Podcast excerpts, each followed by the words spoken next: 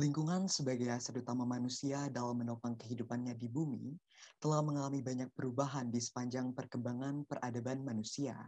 Dengan demikian, diperlukan suatu strategi yang dapat mengimbangi antara keperluan negara untuk melestarikan lingkungan dengan pertumbuhan ekonomi yang salah satunya dapat diimplementasikan melalui konsep ekonomi sirkular. Saya, Wendy Willianto, selaku host pada episode kali ini, dan saat ini Anda sedang mendengarkan The ASEAN Cast oleh UGM ASEAN Society.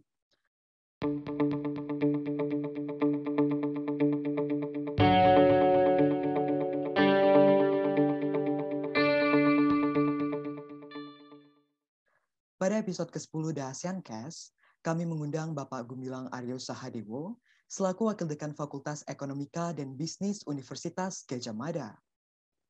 Selain itu, beliau juga pernah bekerja sebagai short-term consultant for Indonesian labor market di Bank Dunia dan memiliki minat penelitian pada bidang ekonomika pendidikan, ekonomika pengendalian tembakau, dan ekonomika eksperimen. Untuk itu, langsung saja kita sambut pembicara kita pada hari ini, Selamat datang Pak Gilang. Selamat sore, apa kabar Wendy? Puji Tuhan baik Pak, terima kasih. Nah teman-teman semuanya, ketika kita berbicara mengenai ekonomika dan lingkungan, hadir sebuah tendensi untuk memisahkan kedua aspek tersebut yang seolah-olah mendefinisikan bahwa ekonomi dan lingkungan merupakan hal yang terpisah.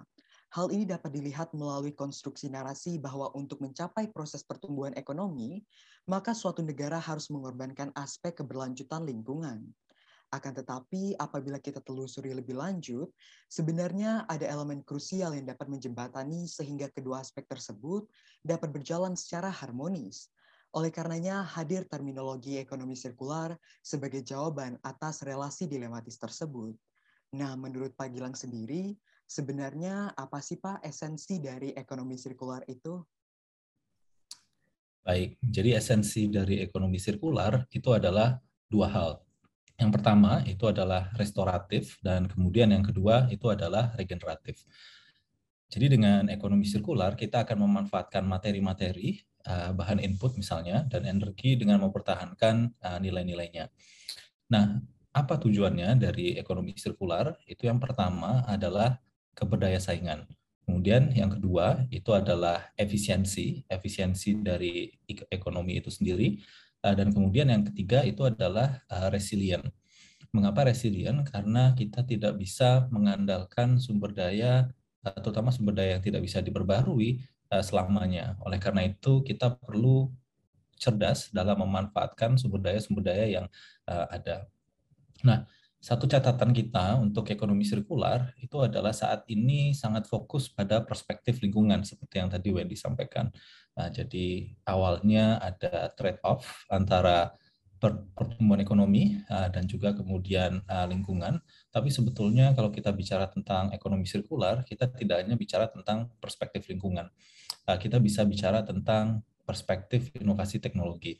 Kemudian kita juga bisa bicara tentang perspektif inovasi perdagangan dan juga perspektif inovasi pasar keuangan karena ketiga hal tersebut itu sangat-sangat mempengaruhi uh, keputusan ekonomi sirkular.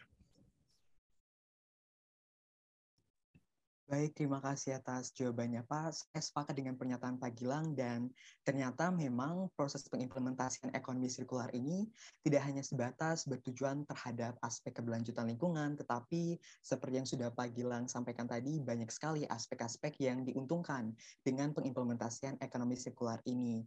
Dan lebih lanjut, sebenarnya keberadaan ekonomi sirkular ini pun juga dapat kita lihat ya Pak sebagai bentuk counter naratif terhadap ekonomi linear yang sekarang sering kali melupakan aspek keberlanjutan lingkungan dalam um, berbagai aktivitas seperti produksi, distribusi, dan konsumsi, sehingga hal inilah yang pada akhirnya menjadi salah satu indikator fundamental yang menyebabkan terjadinya kerusakan lingkungan baik dalam level domestik maupun internasional. Nah, apabila kita tinjau lebih jauh ya Pak Gilang, menurut Pak Gilang sendiri, mengapa konsep ekonomi sirkular ini menjadi penting untuk diimplementasikan di kawasan ASEAN, Pak? Ada dua. Eh, yang pertama itu adalah karena ekonomi linear kita itu boros dan kemudian tidak efisien. Ini saya mengutip David McGinty dari uh, WRI Indonesia uh, di tahun 2020, dia menulis bahwa uh, dunia kita itu membuang sekitar 300 juta ton plastik pada tahun 2019 dan itu setara dengan bobot dari populasi manusia yang ada di dunia. Uh, kemudian juga uh, ilmuwan itu mengekspektasi bahwa akan ada lebih banyak plastik daripada ikan di laut pada tahun 2050. Nah ini beberapa statistik dasar yang saya kira uh, cukup menarik yang menjelaskan bahwa ekonomi linear ini sangat boros dan kemudian tidak efisien. Jadi dia itu mengekstraksi sumber daya, kemudian dari sumber daya tersebut uh, digunakan untuk proses produksi, setelah jadi kemudian didistribusi, konsumsi, kemudian dibuang. Nah, ini adalah uh, proses dari ekonomi uh, linear itu sendiri. Nah, kita ingin mencoba untuk mengubah hal, hal tersebut. Kenapa? Karena sekali lagi sumber daya yang semakin berkurang, kemudian konsumsi bahan baku yang tidak berkelanjutan, kemudian rantai nilai produk yang tidak efisien, dan keempat itu adalah perubahan iklim. Nah, itu adalah paling tidak uh, empat alasan kenapa kita perlu untuk mengimplementasikan ekonomi sirkuler yang ada di kawasan ASEAN. Baik, um, adanya ekonomi linear yang boros dan tidak efisien menjadi salah satu kunci mengapa pengimplementasian ekonomi sirkular ini menjadi krusial ya Pak. Dan memang kalau misalnya kita lihat lebih jauh, isu lingkungan ini merupakan salah satu sebuah urgensi dalam level internasional saat-saat ini. Apalagi kita dapat melihat bahwa uh, peristiwa COP26 yang menjadi salah satu manifestasi konkret betapa uh, krusialnya isu lingkungan. Dan oleh karenanya memang diperlukan instrumen untuk mengakomodasi permasalahan tersebut yang salah satunya dapat diimplementasikan melalui konsep ekonomi sirkular.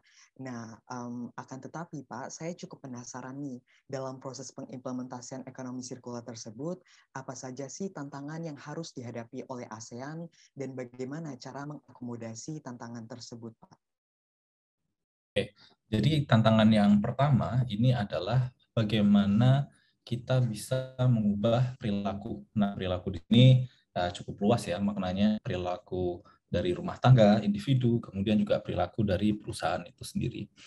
Nah, sayangnya uh, paling tidak sampai sebelum 2021 uh, eh, kita belum punya semacam rangka pikir bagaimana kita bisa menerapkan kebijakan-kebijakan ekonomi sirkular, paling tidak di tingkat ASEAN. Ya, ada beberapa negara di ASEAN yang sudah secara mandiri menerapkan hal tersebut. Namun untuk secara kolektif saya kira baru di uh, saya kira baru dikeluarkan pada tahun 2021 ini. Nah, jadi kembali lagi apa tantangannya? Tantangannya itu adalah mengubah perilaku dan untuk kemudian kita mengubah perilaku, kita butuh kebijakan. Sebagai contoh misalnya, kita membawa sebuah botol aqua, oke? Okay? Uh, opsi kita ada dua, misalnya membuang ke keranjang sampah atau kemudian membuangnya uh, apa namanya sembarangan. Kalau kemudian kita membuangnya di keranjang sampah, maka probabilitas dari botol tersebut itu disirkulasikan kembali dalam berbagai bentuk itu semakin tinggi. Tetapi kalau kemudian kita buang, maka belum tentu kemudian botol tersebut bisa masuk ke uh, pengolahan. Atau kemudian salah satu sampah yang besar yang ada di dunia itu adalah sampah makanan, khususnya untuk konteks Indonesia. Nah, dalam konteks sampah makanan tersebut, misalnya, apa yang perlu kita lakukan? Apakah kemudian kita buang, kemudian kita campur dengan sampah-sampah yang lain, atau kemudian kita mulai untuk mencampur sampah yang jenisnya sama. Jadi kemudian ada sampah yang organik, kita kumpulkan, sampah yang non-organik, kita kumpulkan tersendiri, dan seterusnya. Nah, ini saya kira adalah salah satu tantangan yang perlu dihadapi yang dihadapi oleh eh, negara dalam implementasi ekonomi sirkular. Kemudian yang berikutnya itu adalah perusahaan perusahaan itu mereka kalau rekan-rekan uh, kembali ke kuliah ilmu ekonomi, mereka profit maximizers atau mereka melakukan pilihan-pilihan yang bisa meningkatkan profit mereka. Dan dalam konteks tersebut, seandainya melakukan tidak melakukan ekonomi sirkuler itu adalah uh, sesuatu yang meningkatkan profit mereka, bisa saja kemudian mereka tidak mau untuk mengambil uh, hal tersebut. Nah, oleh karena itu kita perlu menyusun kebijakan yang mengubah sistem insentif dari individu-individu dan rumah tangga, dan kemudian sistem insentif dari perusahaan itu sendiri, sedemikian rupa sehingga rasional bagi mereka untuk melakukan ekonomi sirkuler. Nah, permasalahannya adalah penyusunan kebijakan seperti ini itu tidak mudah dan membutuhkan waktu. Kenapa? Karena yang kita ubah itu bukan hanya uh, kebijakan, tetapi pada akhirnya yang kita ubah itu adalah perilaku. Oke, nah ini menjadi catatan kita bersama mengapa implementasi dari ekonomi sirkular di kawasan ASEAN itu akan menjadi uh, menantang seandainya kebijakan atau kerangka kebijakan itu tidak kita uh, susun dengan baik. Baik Pak Gilang, terima kasih atas jawabannya yang sangat komprehensif dan menarik. Um, satu hal yang saya tangkap dari pernyataan Pak Gilang berkaitan dengan perubahan perilaku. Dan misalnya kalau kita lihat dalam konteks yang sangat fundamental, yakni individu, um, saya sendiri pun sebenarnya Pak Gilang masih sangat struggle untuk me mencoba mengimplementasikan konsep ekonomi sirkular ini, karena mengingat adanya kebudayaan kita yang sangat mengakar kuat terkait dengan prinsip ekonomi linear itu sendiri Pak. Jadi memang um, um, untuk mengubah ataupun menerapkan ekonomi sirkular secara komprehensif dan holistik dibutuhkan um, proses yang cukup panjang seperti itu ya Pak Gilang. Nah terlepas dari tantangan yang sudah Pak Gilang elaborasikan dengan baik tersebut, um, sejauh mana sih Pak menurut Pak Gilang sendiri kawasan ASEAN itu telah berhasil mengimplementasikan konsep ekonomi sirkular ini? Ya, saya kira kalau kita mencoba untuk mengambil satu dua contoh, itu adalah contoh yang kita sebut sebagai contoh yang idiosinkratik. Artinya belum merupakan contoh yang sifatnya itu adalah sistemik. Nah, sebagai contoh misalnya eh, di Indonesia kita sudah mulai melihat banyak sekali usaha-usaha mikro yang mereka itu sangat concern dengan keberadaan plastik dan kemudian mereka mencoba untuk mengumpulkan plastik dan kemudian mengolahnya sedemikian rupa sehingga perusahaan-perusahaan itu bisa kembali menggunakan uh, plastik tersebut. Uh, saya kira kalian bisa melihat salah satu merek minuman, minuman berpenam manis dan juga kemudian minuman air putih, di mana mereka sudah klaim bahwa botolnya itu adalah botol yang recyclable atau dari hasil uh, recyclable. Dan juga kalau kemudian kita pergi ke negara-negara ASEAN lainnya, saya kira kita bisa kemudian mengidentifikasi berbagai inovasi-inovasi yang sifatnya kemudian uh, idiosinkratik. Nah, tetapi saya kira PR kita itu adalah bagaimana kita kembali lagi membuat sebuah kebijakan sedemikian rupa sehingga individu rumah tangga dan juga kemudian perusahaan itu secara sistematik mengikuti pola uh, pola hidup atau kemudian pola produksi yang mengakomodasi ekonomi sirkuler. Nah, ini kemudian yang saya kira menjadi uh, tantangan yang ada di ASEAN secara umum. Nah, kalau kemudian kita mengambil contoh Indonesia, ini saya uh, kutip dari laporan uh, ekonomi sirkular yang ada di Indonesia pada tahun 2020, paling tidak ada lima sektor nih di Indonesia yang memiliki potensi sangat besar untuk mengadopsi pendekatan sirkular. Jadi seperti makanan dan minuman, kemudian tekstil, kemudian konstruksi, uh, kemudian retail, dan kemudian peralatan elektronik dan peralatan uh, listrik. Nah, mengapa kok ketiga sektor ini berpotensi? Karena ketiga sektor ini merepresentasi sepertiga dari perekonomian Indonesia dan paling tidak mereka memperkerjakan 43 juta orang di tahun 2019. Dan yang terakhir, lima sektor inilah yang kemudian memiliki sampah terbesar yang ada di dalam perekonomian. Nah, ini menjadi uh, saya kira salah satu hal yang uh, Indonesia secara khusus bisa mulai untuk perhatikan bagaimana mengubah pendekatan menjadi ekonomi sirkuler untuk lima sektor ini dan tidak ada salahnya kalau kemudian kita saling belajar dari kerangka ASEAN apa saja nih praktik-praktik baik yang dilakukan di negara lain terkait dengan kelima sektor itu. Baik, terima kasih Pak Gilang atas jawabannya. Walaupun memang kita tidak bisa mengeneralisasikan keberhasilan pengimplementasian ekonomi sirkular di kawasan ASEAN, tetapi perlu diakui bahwa terdapat beberapa negara ASEAN yang cukup aware terhadap uh, pentingnya pengimplementasian ekonomi sirkular ini dan um, berdasarkan pemaparan yang sudah Pak Gilang jelaskan, um, saya sendiri melihat bahwa potensi pengimplementasian ekonomi sirkular ini sangatlah besar bagi perekonomian di kawasan ASEAN itu sendiri, Pak. Nah, uh, berjalan selaras dengan pertanyaan sebelumnya, menurut Pak Gilang sendiri nih, apa saja sih peran masyarakat ASEAN untuk menyukseskan pengimplementasian ekonomi sirkular? Mengingat peran negara tanpa adanya dukungan masyarakat tentunya akan menyulitkan tercapainya tujuan yang optimal seperti itu, Pak. Betul sekali. Jadi kalau kita melihat mungkin lima tahun ke depan, masing-masing uh, negara ASEAN tentunya memiliki uh, progres atau perkembangan implementasi dari ekonomi sirkular yang berbeda-beda.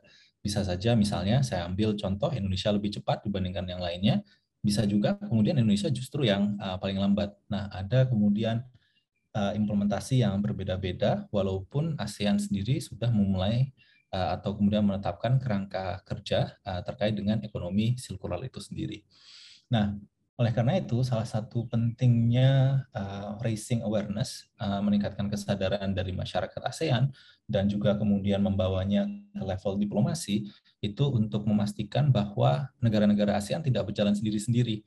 Nah, jadi bisa dikatakan kemudian seandainya Indonesia sudah melakukan ekonomi sirkular, tetapi kemudian tetangganya belum, maka Indonesia bisa kemudian dalam tanda kutip uh, memberikan pressure untuk negara tersebut melakukan ekonomi sirkular. Dan demikian halnya sebaliknya kalau kemudian Indonesia uh, belum melakukan, tetapi misalnya negara tetangga kita, Singapura dan kemudian Malaysia sudah menerapkan ekonomi sirkular, maka kedua negara tersebut itu bisa uh, memberikan pressure kepada Indonesia untuk menerapkan ekonomi sirkular.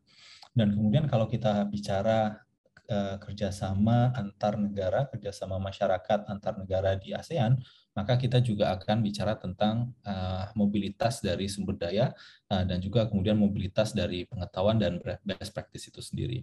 Nah, jadi misalnya suatu negara telah mengimplementasikan dan hal tersebut bisa dipraktekkan untuk konteks Indonesia, ada mobilitas uh, dari pengetahuan dan uh, regulasi yang bisa dipelajari oleh Indonesia. Nah, ini adalah salah satu uh, peran dari masyarakat ASEAN selain uh, pembentukan dan implementasi dari kerangka kerja uh, dan kemudian kerangka kebijakan ASEAN terkait dengan ekonomi sirkuler.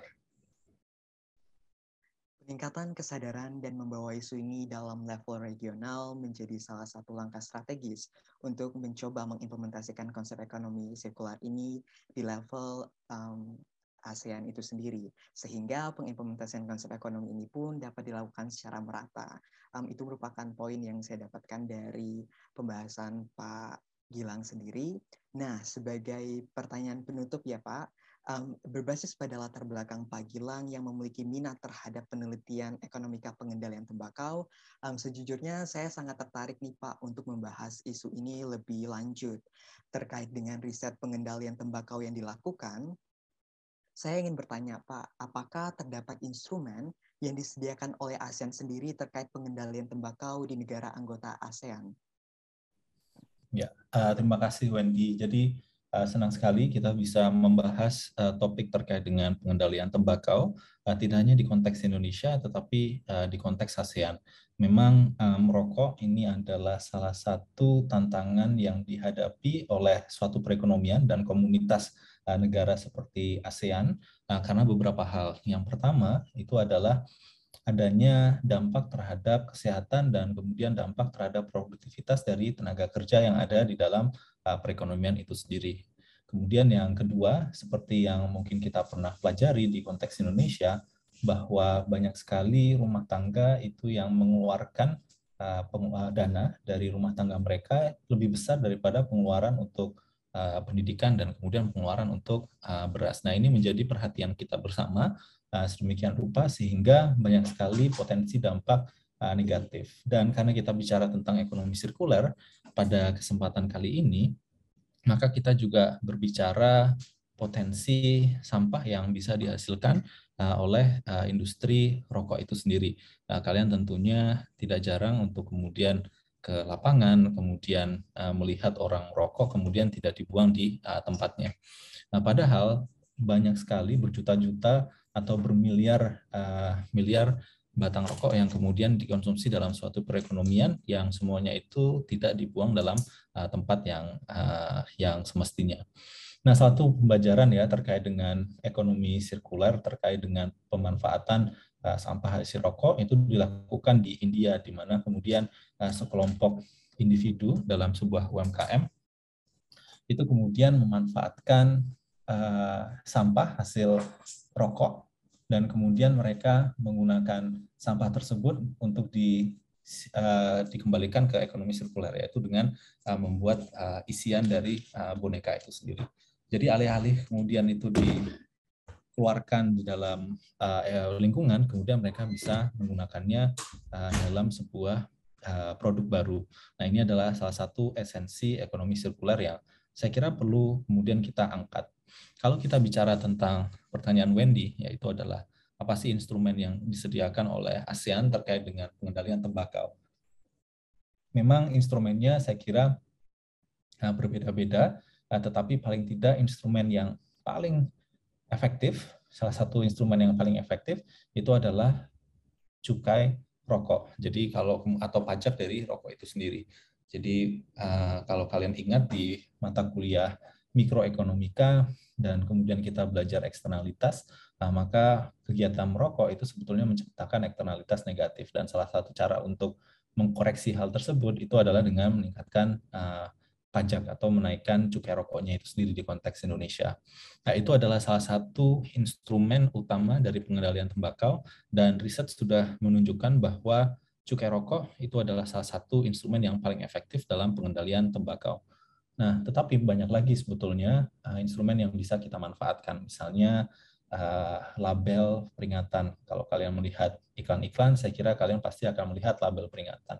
Kemudian kawasan bebas rokok misalnya, atau kemudian kebijakan-kebijakan yang membatasi perilaku merokok di tempat-tempat tertentu, misalnya di sekolah. Nah, banyak sekali sebetulnya yang sudah dilakukan, tetapi paling tidak salah satu yang paling efektif itu adalah cukai rokok. Baik, terima kasih banyak Pak atas jawabannya yang sangat menarik. Um, ternyata tanpa disadari, uh, terdapat relevansi antara konsep ekonomi sirkular dengan pengendalian tembakau ini, khususnya dalam aktivitas merokok di mana um, tanpa disadari putung rokok yang dihasilkan oleh banyak orang ternyata dapat diolah kembali menjadi sesuatu yang bernilai. Dan um, salah satu instrumen yang sudah Pak Gilang sampaikan terkait bagaimana sih cara kita mengendalikan aktivitas tersebut ya dengan cara memberi memberikan pajak terhadap aktivitas um, aktivitas produksi maupun um, distribusi tembakau tersebut. Mungkin cukup sampai di sini Pak diskusi kita hari ini. Um, sekali lagi kami ingin mengucapkan terima kasih banyak atas insight yang diberikan kepada kami melalui perbincangan dengan Pak Gilang kami mendapatkan banyak sekali pengetahuan terkait konsep ekonomi sirkular dan secara spesifik kita tadi juga sempat menyinggung berkaitan dengan topik pengendalian tembakau dan relevansinya dengan konsep ekonomi sirkular itu sendiri. Pada dasarnya, keberadaan konsep ekonomi sirkular ini menjadi sebuah jawaban terhadap keresahan banyak orang atas uh, relasi dilematis antara aspek ekonomi dan lingkungan yang seolah-olah tidak dapat berjalan secara beriringan um, kami sangat berharap bahwa diskusi pada episode ASEAN Case kali ini dapat memperdalam wawasan kita semua terkait implementasi konsep ekonomi sirkular, tidak hanya di Indonesia, tetapi juga di kawasan ASEAN. Terima kasih telah mendengarkan ASEAN Case pada episode hari ini. Saya Wendy Willianto, pamit undur diri dan sampai jumpa di episode ASEAN Case selanjutnya. Terima kasih.